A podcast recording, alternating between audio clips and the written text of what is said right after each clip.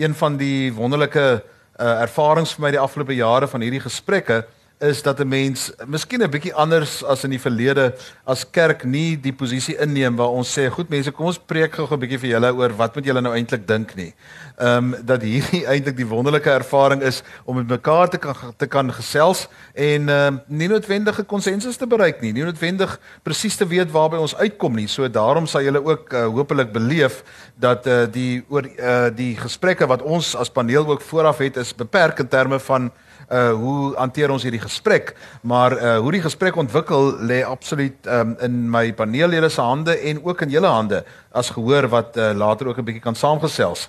So uh, baie welkom hierby. Ons het 'n uh, hele klompie interessante gesprekke hierdie week aan die gang. Elke middag uh 2 uur. Ek was 'n bietjie bekommerd oor hierdie ons uh, vir die verlede was van ons gesprekke in die oggende. Mense het vir my so 'n bietjie varser gelyk in die oggend. Ehm um, maar uh, uh Michelle sê nou mense moet eintlik onthou julle het nou almal geëet so julle bloedsuiker is lekker hoog. En uh en hierdie is mos 'n lekker plek, hierdie woordfees ding man. Hulle sê mos dis die studente praat van Joel vir ou mense. Jy weet so Dis mos nou 'n lekker ding hierdie wat ons doen, hierdie woordfees ding. So ek hoop dat julle lekker sal uh saamgesels en die gesprekke ook baie sal geniet. So uh, ons het uh, vanmiddag dan ons gesprek oor hoeveel persent feministies is die kerk en uh, sluitende uh, aansluitende by die hele tema van die woordfees van 100% het ons tog so vermoed dat alles uh, in geloof en kerk nie noodwendig pluis is of terwyl nie noodwendig op die vlak van 100% is watter vlak jy dan ook al of watter kwaliteit jy dan ook al graag op 100% sou wou sien nie. En uh daarom is my vraag aan my paneellede telkens hoeveel persent uh in hierdie geval feministies dink jy is die kerk en uh, waarheen is ons op pad hiermee? Môre het ons 'n gesprek oor hoeveel persent hervormd is die kerk en ek wil vir julle vra om die woord te versprei want uh, ek het uh, niemand minder nie as selfs die katolieke priester genooi om met ons te kom uh, saam dink oor die reformatie. So ons wil kyk of ons iets 'n bietjie vrede kan kry hierso tussen reformatie en en die katolieke, jy weet daarom so 'n bietjie op die op die verhoog hier môre nie. So die Romeinse gevaar is ook hier en dan uh, die uh, derde tema oor môre dan hoeveel persent moreel is die kerk en het die kerk en ek wil amper sê die Christendom 'n monopolie op uh, moraliteit. En daarom het ons sommer die imam ook uh, as deel van ons gesprek. Uh, en nie net uh, mense wat vanuit die Christelike tradisie noodwendig redeneer nie. En dan laastens uh, gesprek oor hoeveel persent Afrikaans is die kerk. Nie net Afrikaans as taal nie maar ook ons gesitueerdheid ons posisionering in Afrika. Daar is verskeie ander gespreksreekse waarby ons ook uh, graag aansluit. Ehm um, daar's 'n gesprek wat ons graag wil uh, bemark ook uh, uh, John is dit vanmiddag die uh, weerlose weerstand? Hoe laat? 5uur in die ook hier in die boektent vanmiddag 5uur. So ek wil graag reklame doen vir gesprekke, ander gesprekke wat ek ook dink baie relevant is. Uh Andrei ehm um, uh, Bartels se boek oor weerlose weerstand is daar 'n gesprek vanmiddag hier uh, oor oor die gay kwessie in die NG Kerk en dan uh Andrei Pretorius uh, sy boek oor die pad uh, deur die hervorming, reise deur die hervorming. Uh daardie gesprek is net hier na 04:30 in die Drosdui teater. So dis twee gesprekke waarby ons baie graag wil aansluit en wil ondersteun. Vriende, genoeg uh inleiding van my behalwe oor die tema. Wil ek amper net vir julle sê vanmiddag, um ek is nou lyk my ongelukkig oud genoeg om nog 'n uh, fase in die kerk te beleef het waaroor 'n mens nie altyd baie uh trots is nie. En uh terloops, ek het nou nie gesê dat my naam Johan van der Merwe is nie en uh dat ek die afgelope 17 jaar hier by Moedergemeente predikant is nie en voorheen ook ehm um, 6 jaar in die platteland in die Oos-Kaap ehm um, in 'n gemeente daar was in Somerset Oos. Ehm um, ek is ongelukkig oud genoeg om by my eerste ervarings van sinodes agter te gekom het dat die enigste plek op 'n sinode waar 'n vrou daardie tyd gepraat het is wanneer die voorsitter van die vrouediens 'n verslaggie kom lewer het. Ehm um, en dan nou om noodwendige redes, ek dink as die kerk op daai stadium se sin kon kry sou die voorsitter van die vrouediens ook 'n man gewees het, maar goed, toe is dit nou 'n vrou. En dat wanneer die vrou dan opgestap het op die verhoog, sy die wolwe fluitte van die manlike uh sinodegangers moes verduur en moes hoor hoe pragtig en oulik sy in haar blommetjies rokkie lyk. Is dit die kerk? En nou vertel ek vir julle die reine waarheid. Ek hoop dat my paneellede vir my sê wel dit is darm nou 5 vel 20 jaar later, uh 22 jaar later as sedert ek hierdie ervaring gehad het, dit is nie meer die norm nie. My vraag is het ons soveel verander? Het ons beweeg na 'n posisie waar ons anders kan dink daaroor en daaroor gesels my paneellede vanmiddag uh, saam met my. Ehm um, ook oor hierdie interessante dinamika wat ons in ons wêreld sien. Kyk daar ehm um, het natuurlik skuwe plaasgevind tot die mate dat dit vir my soms lyk asof manlike um identiteit in die gedrang gekom het en asof ook in die in die kerk en in die geestelike en die spiritualiteitsbeweging daar nou hierdie ding ook is van mans moet dan ook weer hulle self kan vind. Die mighty men verskynsel. Uh allerhande ervarings waar waar mans weer herinner moet word hulle is die priesters in die huis of die hoof van die huis of wat die geval ook al mag wees. So daar's soveel goed aan die gang. Buite om ons in die samelewing is baie goed aan die gang Ehm um, #enige ding. #me too. #end rape culture. Uh ons het dit op ons kampus uh is dit debatte wat aan die gang is. Is die kerk deel hiervan? Help die kerk of hinder die kerk? En as ek sê die kerk dan bedoel ek ook geloof in die algemeen. Ek bedoel sekerlik nie net die NG Kerk nie. Dit is maar die konteks van waar ek uitkom. Maar is die kerk in enigsins in gesprek hiermee? Tweedens, is die kerk enigsins 'n waardige gespreksgenoot hierin? Wat gebeur binne in die kerk? Kan die kerk leiding gee daaroor of behoort die kerk nie enigsins sy mond oop te maak daaroor gegee hoe dinge soms binne in die kerk lyk nie? Kan die kerk dit doen ook? My laaste opmerking ter inleiding sonder om haar eie tradisie te bevraagteken. Want die tradisie waaruit die kerk uitkom is maar 'n baie patriargale tradisie. Die uh, God is immers Vader. Die Bybel het in 'n baie patriargale kultuur tot stand gekom. En met daardie problematiek is ek in die bevoordeelde posisie om dit nou net so aan te gooi na my paneellede en uh vir julle te vra om vir ons daarop te help reageer. Um ek het uh vanmiddag uh uitgeleese paneel hier. Dit is vir my baie lekker om hulle te kan verwelkom. In die eerste plek Dominee Michelle uh, Boonsaier. Michelle is 'n proponent in die NG Kerk. Sy bedien op die oomblik uh ook 'n gemeente in Brackenfell, maar sy is ook betrokke voltyds by die I am uh ministry of bediening en uh, waar sy baie betrokke is by opleiding in terme van diversiteits uh, sensitiwiteit vir diversiteit en vir seksualiteit ensovoorts opleidingsprogramme veral in die hoofstroom kerke. Ehm um, dan het ons uh, langs haar uh, Dr Nadia Maree. Nadia is lektor in sistematiese teologie hier by die uh, fakulteit teologie en ook 'n bevestigde uh, en gekoppelde leraar by die NG Kerk Welgelegen. En dan langs haar laastens uh, is 'n uh, senior direkteur van sosiale impak en transformasie by die Universiteit van Stellenbosch, Dr. Leslie van Rooi, uh voorheen uh hoof van die Frederik van Sail Slabbert Stichting wat ook 'n baie interessante gespreksreeks hier by die Woordfees het. So gegee dit is my ooreenkoms met my paneel dat hulle net met die tema kan besig wees vanmiddag, kan begin met 'n 5 minute of so inleiding waar elkeen van hulle sommer net 'n paar gedagtes met ons deel oor waar hulle dink ons staan ten opsigte van hierdie tema en uh, daarna as daar enige vrae is wat hulle aan mekaar wil stel, is ter opklaring is hulle welkom en dan is die vloer oop en uh, weet niemand van ons waartoe die gesprek dan gaan nie. Dit is die uiteindelike avontuur waarheen ons op pad is. So baie dankie uh, vir julle geduld met my lang inleiding. Michelle, asseblief Wil jy ons nie tog asseblief help nie? ek dink ons help mekaar in hierdie ruimte. Ehm um, as ek oor feminisme moet praat, dan voel ek ek moet my hand op sit en sê, "Hello, my name is Michelle, I'm a feminist." Ehm um, want dis iets waarvoor 'n mens moet inhoud gee. En die enigste manier hoe ek kan praat oor feminisme as ek eers is as ek eers inhoud gee vir myself. So ek gaan begin deur om te sê hoekom ek myself 'n feminis noem. Ek is 'n feminis want ek navigeer die lewe in hierdie lyf. En as jy nou agtergekom het hierdie lyf is brein, hierdie lyf het kurwes, hierdie lyf is dalk so 10 kg oorgewig. Hierdie lyf actually speaks English. So I navigate life and all the spaces where I navigate within the church within society, my political life, within my relationships, within my marriage. I navigate life as a colored 40 something woman who has a history, who has a past, and wherever I come into any space, I navigate life as this. I don't navigate life as a white male of a certain age and perspective. Um, with that said, I ek is 'n tyd praktisyn. So I'm a practitioner. So as as ek sê ek is 'n praktisyn, dan bedoel ek dat ek praktiseer die lewe soos ek le die lewe navigeer met hierdie lyf en dan reflekteer ek teoreties oor hoe ek die lewe praktiseer. En een van die my gespreksgenote, teoretiese gespreksgenote die afgelope tyd se naam is Sarah Ahmad.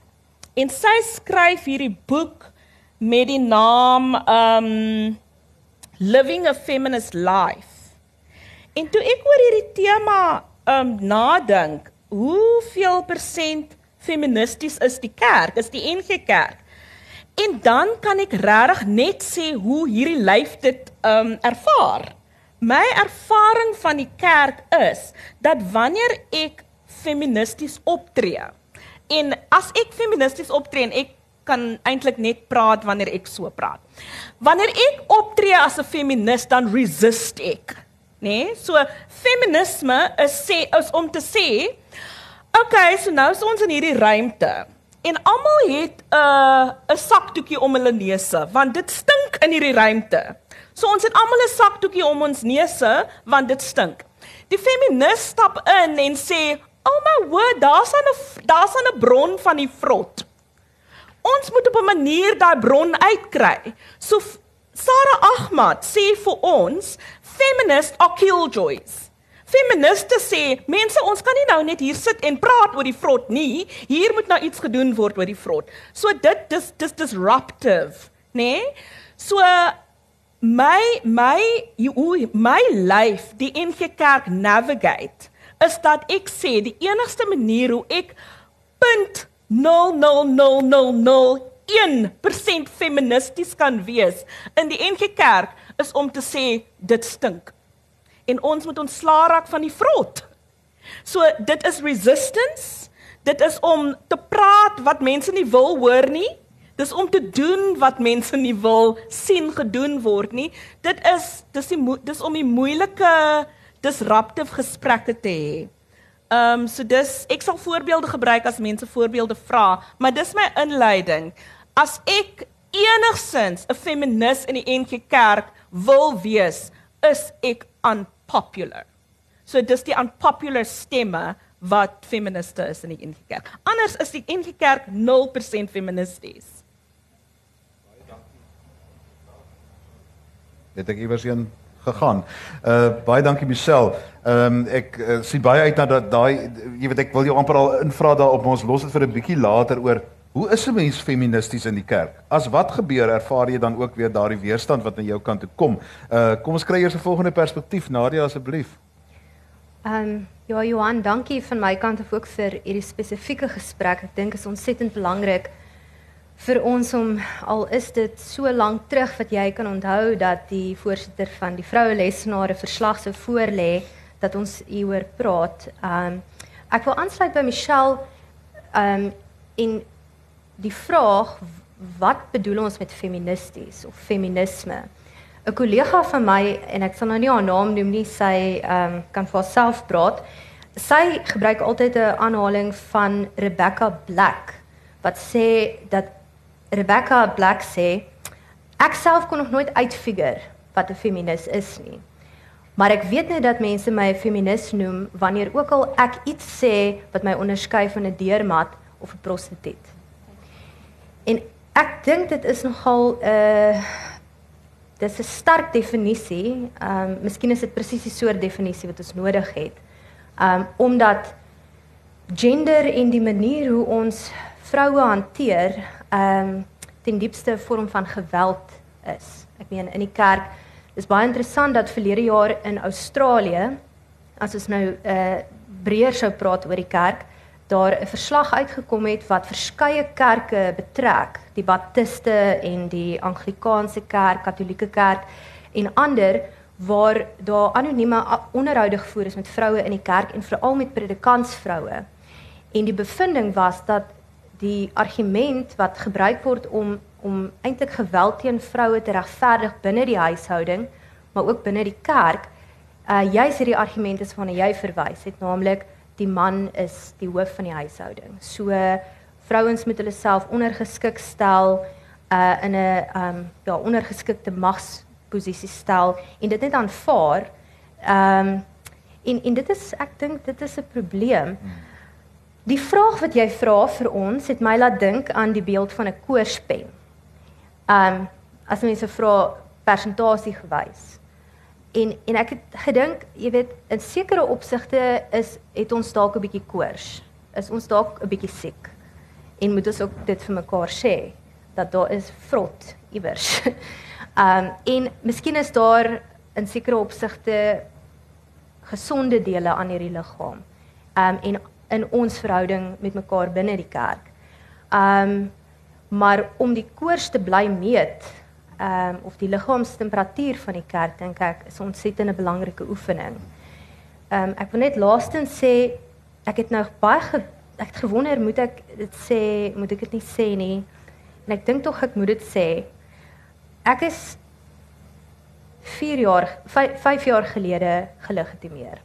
En ek is nou 2 jaar lank uh, 'n predikant. En in hierdie tyd, ek is 30 jaar oud. Mense sou dink dit is nou in die tyd nadat nadat vrouens nou predikante kon word. Paar issues is nou half uitgesort.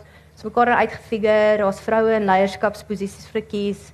Uh so dinge is nie so bad nie. Dit dit kan nog beter, maar um, maar net die opmerkings wat soms so goed bedoel word deur mense en ek dink as komplimente eintlik bedoel word.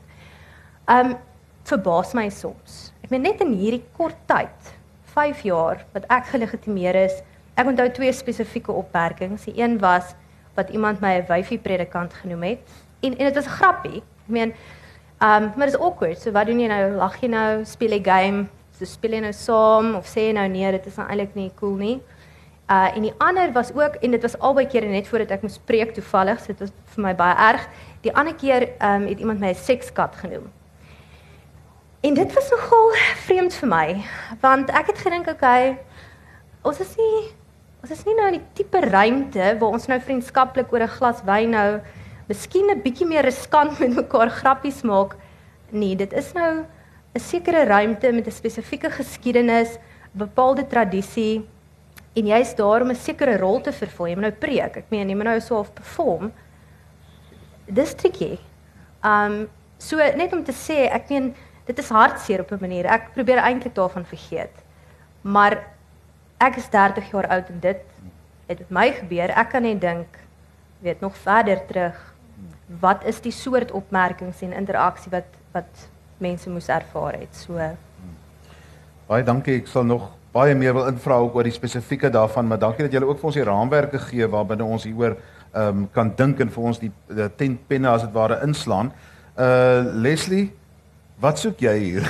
jy het my genooi, dit baat en jy vra my die vraag. Dit is so, dit is so, dis seker nou te laat, maar ek bedoel uh jy ek het mos net vir jou gesê it's because you're the alpha male man. Ek bedoel so, uh jy dink in my om, om manlik om uit 'n manlike oogpunt ook aan so 'n gesprek te kan deelneem. Ja en ook vanuit 'n buiteperspektief. Jy het wel aanvanklik, jy weet, uit die teologiese kant gekom, maar jy is al soveel jare in die uh uh, uh opvoedingsruimte of die tersiêre opvoedingsruimte en uh en jy's as 'n as 'n man ook in, op hierdie verhoog, wat op aarde sou dit beteken?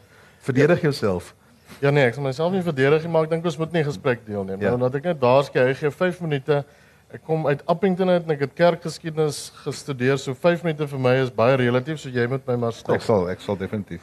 Ek het gedink ek gaan begin met iets van my eie reis as deel van die universiteitsgemeenskap wat met hierdie einste tema worstel en jy is heeltemal reg, dit is nie iets wat jy van ontworstel kan word nie, dit dit is voortgaande. Jy sal onthou dat uh, aan die einde van 2014 spesifiek die begin van 2015 die debatte en die gesprekke by universiteite radikaal verander het. Aanvanklik was dit 'n gesprek oor simbole en watter simbole Ehm um, wat sê op universiteitskampusse en spesifiek dan op Universiteit Kaapstad het dit gegaan rondom die standbeeld van Cecil John Rhodes.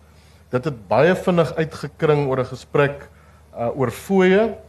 Wat eintlik dan nou 'n gesprek was oor wie welkom is en wie se ruimtes hierdie is en wat op kampusse gebeur uh, wat uitgeloop het op 'n gesprek wat steeds ook aan die gang is 'n gesprek oor wat wat leer ons mekaar op universiteitskampusse? Wat is die inhoud van ons kurrikula Hoe dink ons uh, oor menswees in Suid-Afrika en is ons universiteite deel van hierdie kontinent? Is ons terloops op hierdie kontinent? Pas ons in by 'n Afrika identiteit uh, ensovoorts. Die laaste keer wat ek en Martie Meyering saamgesit het by 'n gesprek, was die gesprek gestop Martie en moes ons uitstap en dit was in die middel van hierdie maalkolk uh van aggressie uh, wat toe nou uh, bekend gestaan het as Fees Must Fall.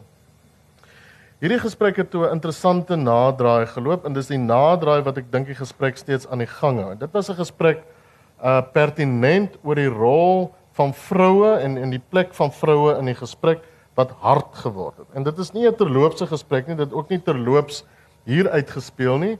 Dis 'n gesprek wat teen uh, die middel van 2016, einde van 2016 op 'n hele paar plekke in die in die wêreld plase vind het.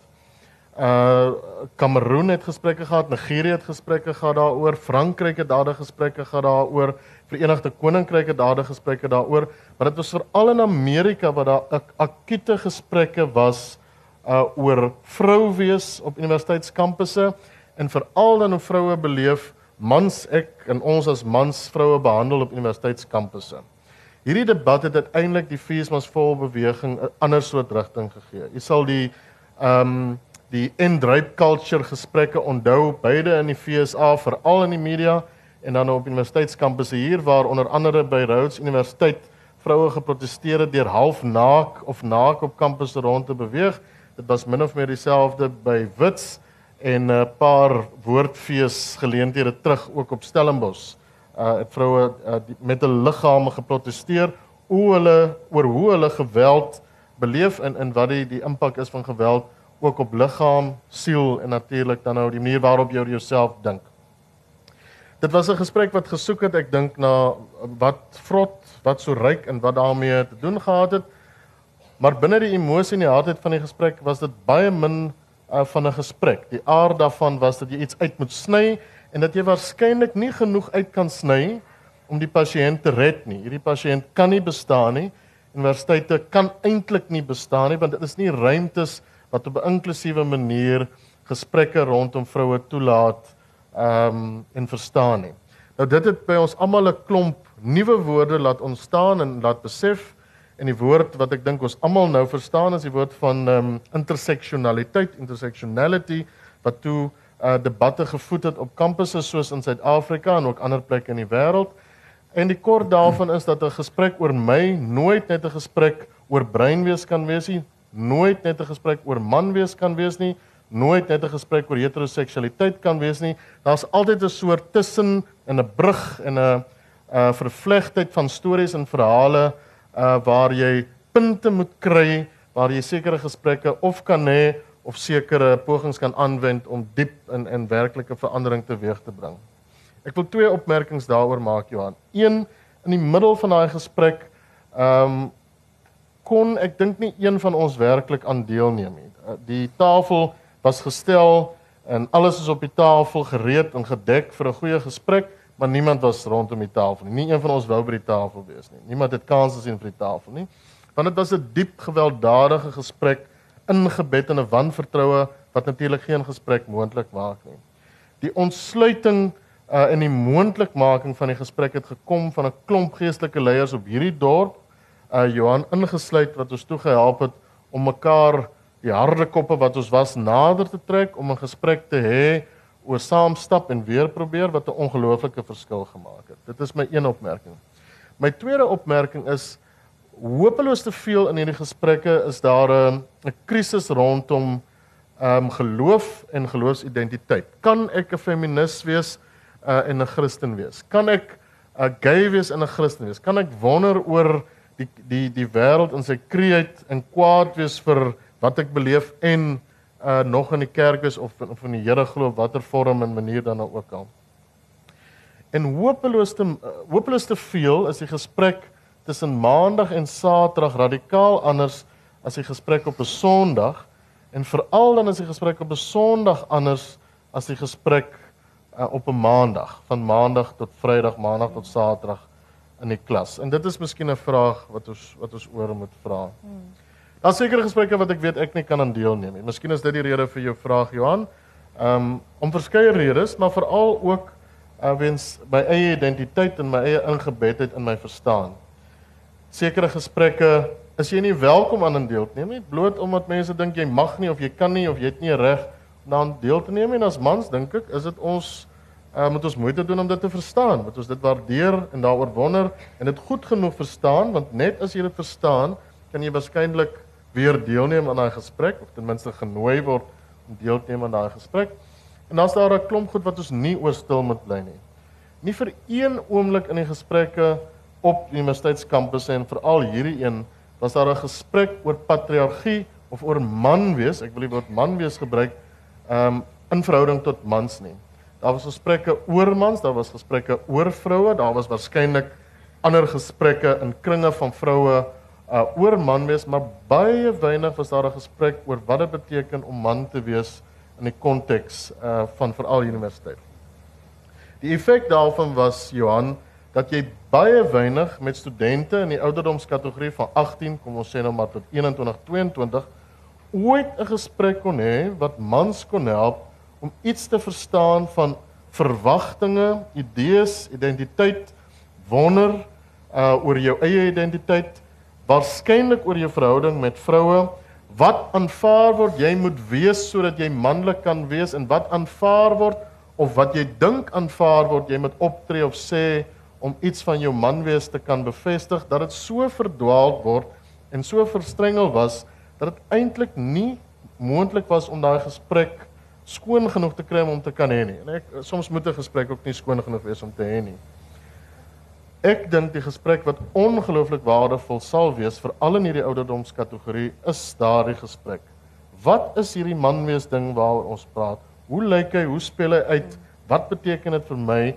Wat is my verhouding tot man wees uh, verhouding tot my pa en verhouding uh, tot die idee wat ek het ek moet wees tussen my vriende, hoe ek kan praat, waar ek kan vra vra wat ek dink ons mis.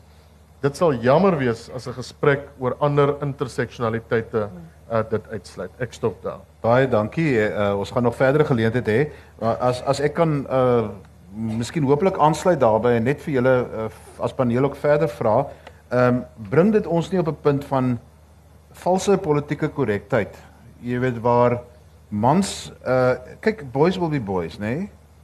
Uh, Donald Trump het vir ons geleer sekere goed is locker room talk. Jy moet dit verstaan. Jy weet, jy moet dit kan aanvaar en wil om nou vir mans op 'n posisie te sit waar ons heeltemal nie onsself mag wees nie. Jy weet? Ehm um, en nou op eiers moet loop en niks mag sê nie want ons gaan tog nou net weer iets verkeerd sê. Uh ek het uh eendag ook met 'n klas moes ek die moes ek die uh groep begin en ek het toe net uh, al wat ek toe gedoen is gesê okay guys we have to start. Toe word ek nou aangevat daarop omdat ek gesê het okay guys. Jy weet maar ek het nie bedoel okay net hier's net mans nie. Ek het dis soos mense Afrikaans sê okay ouens. Jy weet ehm um, nou moet ek nou regtig vir alles so op my tone wees. Hoekom is julle so teen die mans? Vir jy reageer of moet ek? Ja, ons is nie teen mans nie. Ehm um, kan ek ja. begin? Ehm um, Ja, ek wil 'n bietjie praat oor scripting en hoe ehm um, ons het nou gepraat oor Leslie het gepraat oor patriarchy, maar ek wil dit voor ek oor scripting praat 'n bietjie breër praat oor heteropatriarchy. So you alluded to it in your conversation. Okay? So baie van ons bodies is scripted. Nou mooi volg. So our bodies are scripted. So Nadia spoke about her body being scripted as a sex god, her body being scripted as I'm often scripted as also dominee. Nee, so our bodies are scripted. But not only are our bodies scripted, our spaces are also scripted. So within the Dutch Reformed Church, let me just speak about the Dutch Reformed Church. The spaces are scripted as heterosexual spaces, white spaces, masculine spaces. So when a woman comes into that space, it is because it's a heterosexual space and it's a masculine space that you say, okay, guys. So this is why I resist that because I'm the feminist killjoy. So I will resist it. When someone says to me, "Oh, sy's die mooi dominee," and then I will also say, "And I love to read Foucault." you know, so I will resist the scriptedness of the space. Mm. So you're saying that you are reading according to that script because you have the role to play in that script. Nou kom ek in daai space Ek ek, ek kan nie 'n manlike rol vertolk nie. Ek kan probeer en vir jare lank het ek probeer om 'n manlike rol te vertolk. Wat beteken dit? Ek het pro ek gaan dit nou verduidelik. Ek het probeer om in my heel eerste gemeente het ek probeer om die snyerspakkie te dra, nê? Nee? En myself op te knoop tot daar en nie die lekker rokkie te dra wat ek eintlik wil dra nie om my stem 'n bietjie laer te maak, om minder emosioneel te wees, want dit is die skrip wat ek vir die wat vir manlikheid gegee word. My gay vriende vertolk ook die rol van heteroseksuele mans. As hulle nou binne daai space gaan, op die kansel gaan staan, dan moet hy ook of sy ook nou daai skrip van heteropatriarchy vertolk. So die skrip is vir ons geskryf, Johan. Die skrip is vir jou geskryf. Jy kan nie sê, "Hey guys and dolls," want die skrip is vir jou geskryf, "Hey guys." Dis 'n masculine space that you enter. Toe ons hier kom sit hier voor, toe sê Leslie, "Oké, op watter stoel moet ons nou sit? Ons moet nou baie versigtig wees. Ons kan nie die twee brein mense langs mekaar sit nie. Ons kan ook nie die twee vroue as die twee mans so sit because the space has been scripted for us. So now we need to deconstruct that space and reconstruct it wanneer ek sê, weet jy, ek kan net so emosioneel raak wanneer ek praat. Nie omdat ek nie 'n rasionele argument het nie, want ek, maar ek verstaan die dringendheid van hierdie situasie. So ons moet 'n bietjie ons skrips um ek challenge die skrip wanneer ek sê ek resist it deur om die killjoy te wees en sê seriously Johan, there's a woman here as well. Baie dankie, ek vat dit graag. Ja. nee, ek wil dit is ek ja, ek ek mag nog nie sa, ek mag nog nie sê waarmee ek saamstem of verskil nie, maar dankie dat daar mense is wat dit wat dit Ja, maar ek kan dit take it to the extreme. Ja. Mense kan nou meer genuanceer daaroor Ja. praat, maar ek neem dit nou na Absoluut. die extreme. Nadia? En dan gaan ons na die gehoor toe. Jy het lank genoeg gepraat. Ja, en ehm um, ja, dankie ook vir die ehm um, provocative uh, manier hoe jy dit gestel het. Ehm um, wat vir my ek dink baie help is uiteindelik om te sê om hierdie gesprek soos wat dit dikwels hanteer word te reduseer tot 'n mans versus vroue of vroue versus mans situasie. So as die vroue nou 'n bietjie wen dan verloor die mans nou 'n bietjie. Dis nou so 'n zero sum game. Uh ek dink dit help niemand nie, insluitend die vroue. Exactly. En so uiteindelik is die vraag dit gaan eintlik oor hoe praat ons en hoe lyk ons verhoudings en interaksie met mekaar in die kerk dat dit lewegewend is. Um feministiese teoloë praat van life affirming teenoor life denying. En ten diepste help dit die mans ook. Ek bedoel dit is die punt. Um en so ek dink daar's daar's 'n klomp voorveronderstellings, um soms wanopvattinge, gewoonheid verkeerd. Um aannames wat gemaak word rondom feminisme en feministiese teologie en wat wil die feministe nou weer oor baklei of whatever. Um wat wat niemand help nie. Ook nie die mans nie. So die vraag is dalk onder andere om te vra hoe herverbeel of ons herbedink ons um die kerk en ons verhoudings binne die kerk um dat dit lewegewend vir ons almal kan wees dat dit ook mans kan vrymaak om man te wees soos wat hulle man wil wees. Ek meen um maar nie net mans nie ook ek meen mens het mos nou verskeie identiteite wat jy op een oomblik uitspeel volgens 'n skrip Um so en en jy wil tog ook die vryheid hê om te kan sê ek sit hier as 'n vrou, maar ek is nie net vrou nie, ek het ook 'n perd. Ek hou van perde. En ek meen daar's ook ander goeters wat soof interessant is. Um dink ek aan my en wat vir my belangrik is om ook oor te praat.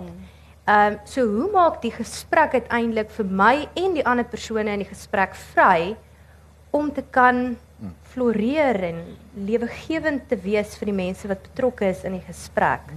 Um OK, uh baie dankie. Uh, ek wil dit gou uh, hier na julle toe gooi vriende om saam te praat. So asseblief daar heel aan die agterkant het ons 'n mikrofoon. Asseblief. Ah, hallo, ek wil vir 'n meneer vra wanneer meneer sê locker room talk. Um, met wat bedoel meneer?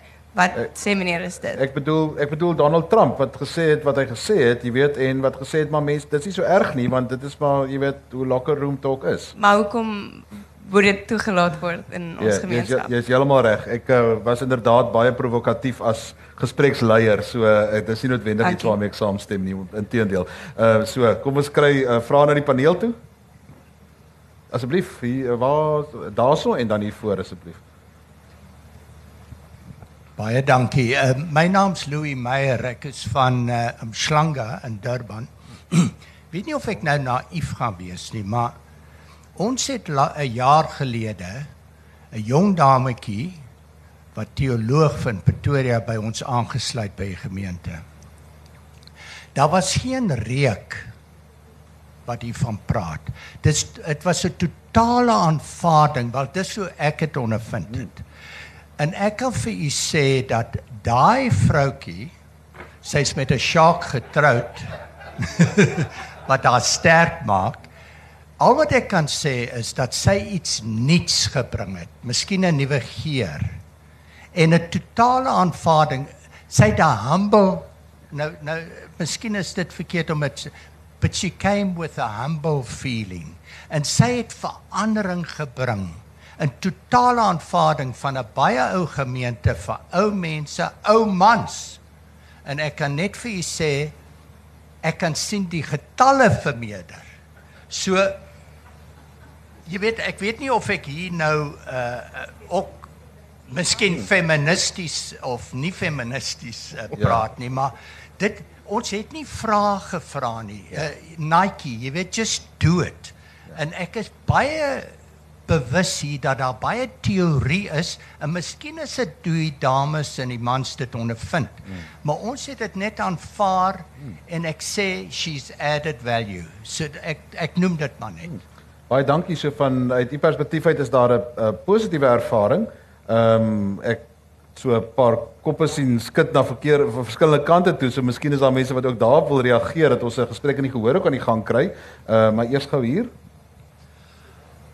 Um ek dink my vraag is dalk 'n bietjie meer prakties van aard. Um en ek praat nou spesifiek binne die konteks van die NG Kerk.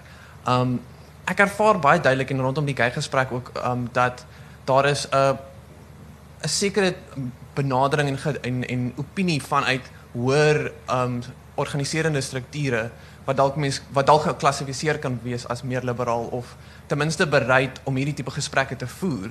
Maar ongelukkig wanneer jy op voedselvlak kom, dat daar is daar's my 'n uh, 'n diskonneksie tussen tussen leierskapstrukture en voedselvlak lidmate en ek dink tot 'n mate dui dit op 'n uh, 'n uh, 'n diep gewortelde kulturele kwessie. Hierdie is nie net strukturele goed wat ons moet verander nie, dis nie net meer vrouens wat byvoorbeeld dominees moet word nie. Dit gaan oor die taal wat ons gebruik, dit gaan oor hoe ons grootgemaak was in um in die huis en al hierdie tipe verskillende kulturele aspekte. Um so vraag is dan as jy as jy die van uit die uitgangspunt uit is dat ons wil die kerk meer feministies maak. Um hoe hoe kan mens begin om om om daai tipe kultuur te verander en en op, werklike voedselvlak hierdie tipe veranderinge um mee te bring?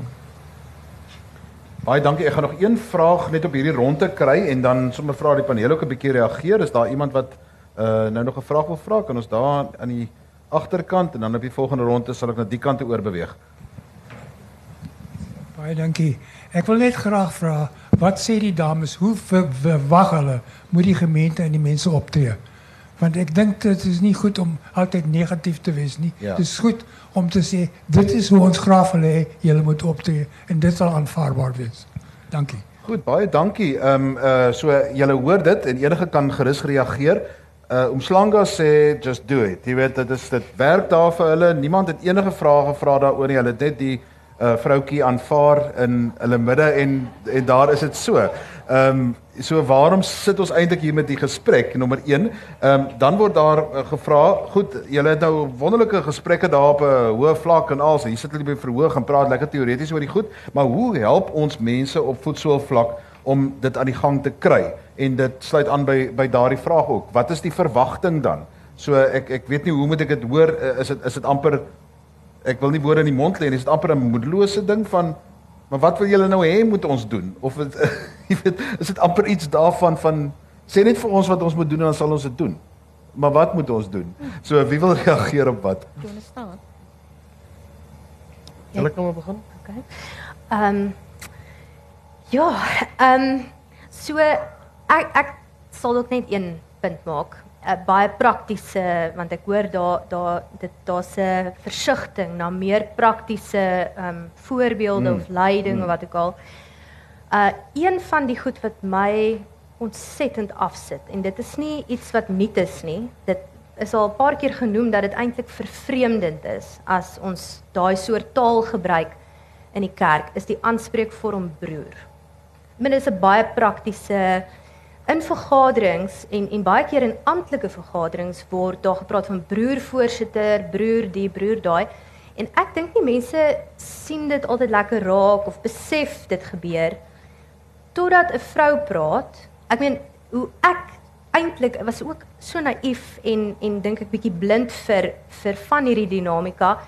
Uh by een vergadering het die voorsitter dit fantasties hanteer, maar hy het um, van 'n man na my toe geskuif en hy het toe gesê broer Nadia. Net hy het net so voor sy tong geval. Dit het toe 'n hele ding geword op Twitter. Dit was toe #broer Nadia, hele ding. Groot grap gewees, veral toe nou op ons jong predikante WhatsApp groep en almal maak memes en en ons lag nou nog daaroor en en ek dink dit is baie snaaks en hy het dit baie goed bedoel, hy het dit goed hanteer. Maar dit was 'n dit was 'n openbarende oomblik want wanneer 'n vroue persoon gepraat het insluitend vroue predikante is die persoon op hulle naam genoem. En wanneer 'n manlike uh, bywoner van die vergadering insluitend die voorsitter gepraat het was dit broer whatever. En dit is nou 'n klein voorbeeld maar ek dink dit is die soort uh goed wat mense vervreem. Wat baie duidelik 'n aanduiding is soos 'n padteken wie waar die magsdinamika lê. Wat is die norm? Die hmm. norm is om 'n broer te wees. Ek wil definitief nie suster genoem word nie. So dan is dit beter nou maar dat die vrouens op hulle naam dink ek genoem word. Um maar hoekom kan ons mekaar nie net op ons name noem? Ek weet so waar is hierdie magsdinamika nou? Kom is dit nou deel nog? Daar styg hy spreekwoordelike onderrok dan uit aan. Ja. Ja. Ek wil okay. ja, ek wil ook ek wou ook met dieselfde tipe ehm um, kommentaar reageer. Ehm um, ek kan nie onthou of dit ek is nou op 'n volgende paneel ook 5 uur en hierdie paneel, maar ek het ook 'n paar ander goed gedoen hierdie week. En een van die ehm um, uitnodigings wat uitgestuur of het, of die advertensies wat uitgestuur is is uh ek dis nie hierdie paneel nie. Daar was 4 panelists Dr. Semana Johan, Michelle Boonsaier sonder 'n titel, die ander vrou geen titel en professor wie ook al. This is a problem. So dit is deel van die probleem, die structural goed, nê? Nee? Die ander ding is ook en dis hoekom ek begin het met bodies. I am a colored minister in the White Dutch Reformed Church. One of the first things that I had to find for myself when I became a minister in the Dutch Reformed Church was what I called a cultural coach. Because I see things through colored eyes very differently as white people see things. I would suggest practically to men to find a cultural coach. As a woman, om die vraag te vra. Vra die vraag. Want ek wil nie na verwys word as 'n vroutjie nie. So ask me the question. How do you want eh, and I don't mean it in a bad sense. You know, I'm not attacking. It's really just language. And this is for Cohen. Language constructs our realities. And our realities is how we engage with each other. So if someone refers to me, a 45 year old woman, as a vroukie, and my 30 odd year old colleague as Dominee, it's not okay. Because then it diminishes me and my position in that congregation. So we must be very careful how we use language in these constructs and the jokes that we make and that type of thing. There was another thing I wanted to say, but Ja, wat slip my mind. Uh dink 'n bietjie uh, terwyl Leslie ook miskien reageer. Wat moet ons nou eintlik doen? Wat kan van ons verwag word? Is daar plekke waar mense dit dalk sien wat 'n mens dan kan verwys en sê maar daar werk dit. So lyk dit. Uh maar lees die enige ander reaksie ook. Jy is die dominee, jy moet sê dit werk in die kerk anders. Uh Ehm ek Goed dat jy sit ons hier. Ek wil 'n opmerking maak oor die politieke korrektheid en ek wil tog oor die locker room uh, woord iets sê. So ons moes 'n dissiplinêre saak hanteer so amper 2 jaar terug en die, die saak het gehandel oor eerste jaar mans uh wat in 'n spesifieke koshuis 3 plakate opgesit het wat vroue uit 'n vroue koshuis nooi na geleentheid. Uh en die uitnodigings, die aard van die uitnodigings was alles erg seksueel, oorgeseksualiseer. Uh op op uh, op 'n krie manier. Maar natuurlik ook in die konteks van 'n locker room gesprek, 'n snaakse manier, want as jy verstaan dat as jy snaaks is, dan hou mense daarvan uh, en dan kan mense dan kom. En ons moet die saak ondersoek. Uh en jy kan mos nou op verskillende maniere dit hanteer. Jy kan sê jy mag dit nie sê nie. Ehm um, jy moet gestraf word, jy moet uitgesluit en so. En in die middel van die gesprek besef ek iets wat ek dink nogal belangrik is vir mans om te besef en ook uh vir die locker rooms om om om uh, verder oor te dink. Daar was geen verstaan daar was 'n verstaan by die eerstejaars studente dat as hulle in pas wil wees met die gemeenskap waarin hulle deel was, hulle iets op 'n sekere manier moet oordra. En dat die sekere manier van oordra waarskynlik hulle eie manlikheid sal bevestig en dat hulle dan as gelykes binne 'n ander soort hiërargie verstaan sou word. Daar was omtrent geen verstaan dat jy afbreekend is of dat jy op 'n manier praat en dink wat of nie sosiaal aanvaarbaar is nie of hoe dit oorkom vir ander spesifiek vroue neerhalend en vernederend kan wees. En daar was omtrent niks daarvan nie. En dit was nogal vir my 'n skok. So wie's nou skuldig? Is dit die kultuur? Is dit die enkeling eerstejaars ensovoorts?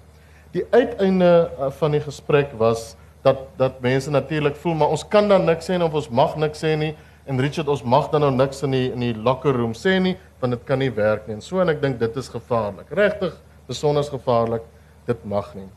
Maar jy kan regtig net 'n opinie hê of 'n verstaan hê as jy verstaan dat daar alternatiewe is, meer as een waarheid is, dat jou eie idees gevorm is op 'n sekere manier, dat daar ander idees is wat gevorm is op totaal 'n ander maniere en deur krities om te gaan met al daai verstane, jou eie verstaan daarvan ehm um, of te verwerk of te verwerp, dan 'n verstaan te kry en dan 'n opinie te vorm.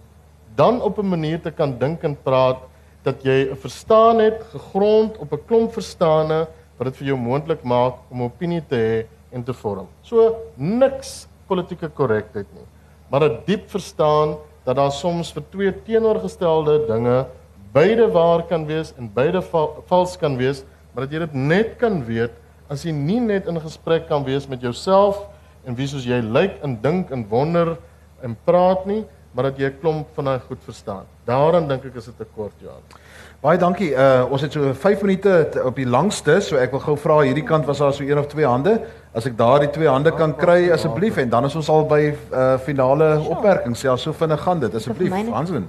Um ek is Hanslin Davids, ek is 'n kollega van Michelle by Inclusive Affirming Ministries. Leslie, die eerste vraag is eintlik aan jou.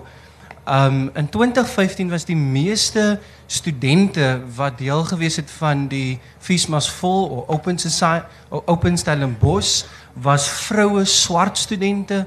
Um en en ek wonder as Michelle praat van heteropatriargie en dit is 'n term wat kom van Amerika van swart lesbiese vroue wat gesê het daar's nie net patriargie nie, maar as heteropatriargie, want hierdie term word dan ook verstaan as polities, ekonomies ensovoorts wat swart vroulike liggame en veral wanneer hulle koeie is, nie binne in die normale diskourse kan deelneem nie.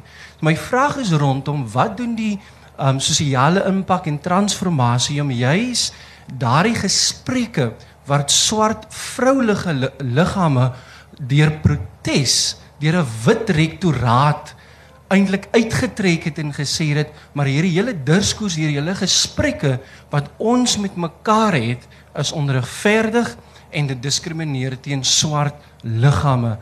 Het die transformasiekantoor plan daarmee vir die breër universiteit om daardie gesprekke vorentoe te gaan of het dit dit my eintlik maar net weer doodgeloop soos wat baie van die transformasiegesprekke by die US baie keer dan platval, veral wanneer dit kom van swart, bruin, indiër liggame.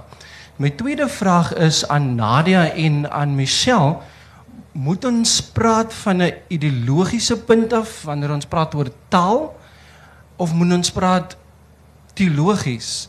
Uh, moet ons begin by ons godskonsepte, moet ons begin oor die taal wat ons in die kerk gebruik, juis om die kerk dan 100% 'n feministiese plek dan te maak.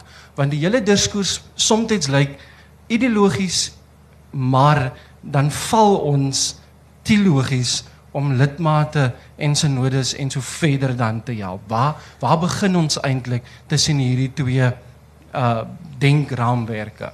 Hmm. Ek dink ek gaan dit uh daar's twee vrae baie dankie. Um ek gaan uh, by julle twee begin met sy laaste vraag rondom hoe praat ons teologies hieroor om dit terug te bring na die kerk toe. En uh jy kan 'n sin antwoord daarop is 'n fascinerende vraag wat hy vra. Dit het net meer te doen met jou omgewing as uh, spesifiek die kerk. So ek sou dit amper wil vra en wat kan die kerk daarbey leer as jy daar sou wou reageer? Uh maar kom ons uh, hoor oor teologies en dit is ook sommer julle laaste opmerkings. Sure. Ja. Sal jy begin? OK. Ehm um, dankie Hanslin. Ek ehm um, ek dink dit is 'n ontsettende soms moeilike onderskeid um, om te tref. Ek meen die die uitdaging is natuurlik om teologies ook robuust te kan praat en te kan dink.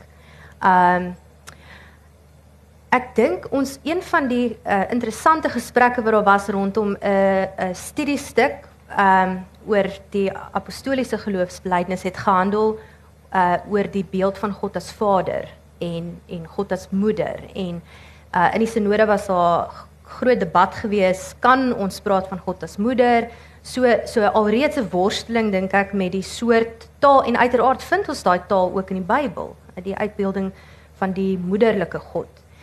Um en en in die tradisie sou ek ook argumenteer um daar's 'n baie interessante um artikel wat ek onlangs gelees het van Piet Nudee.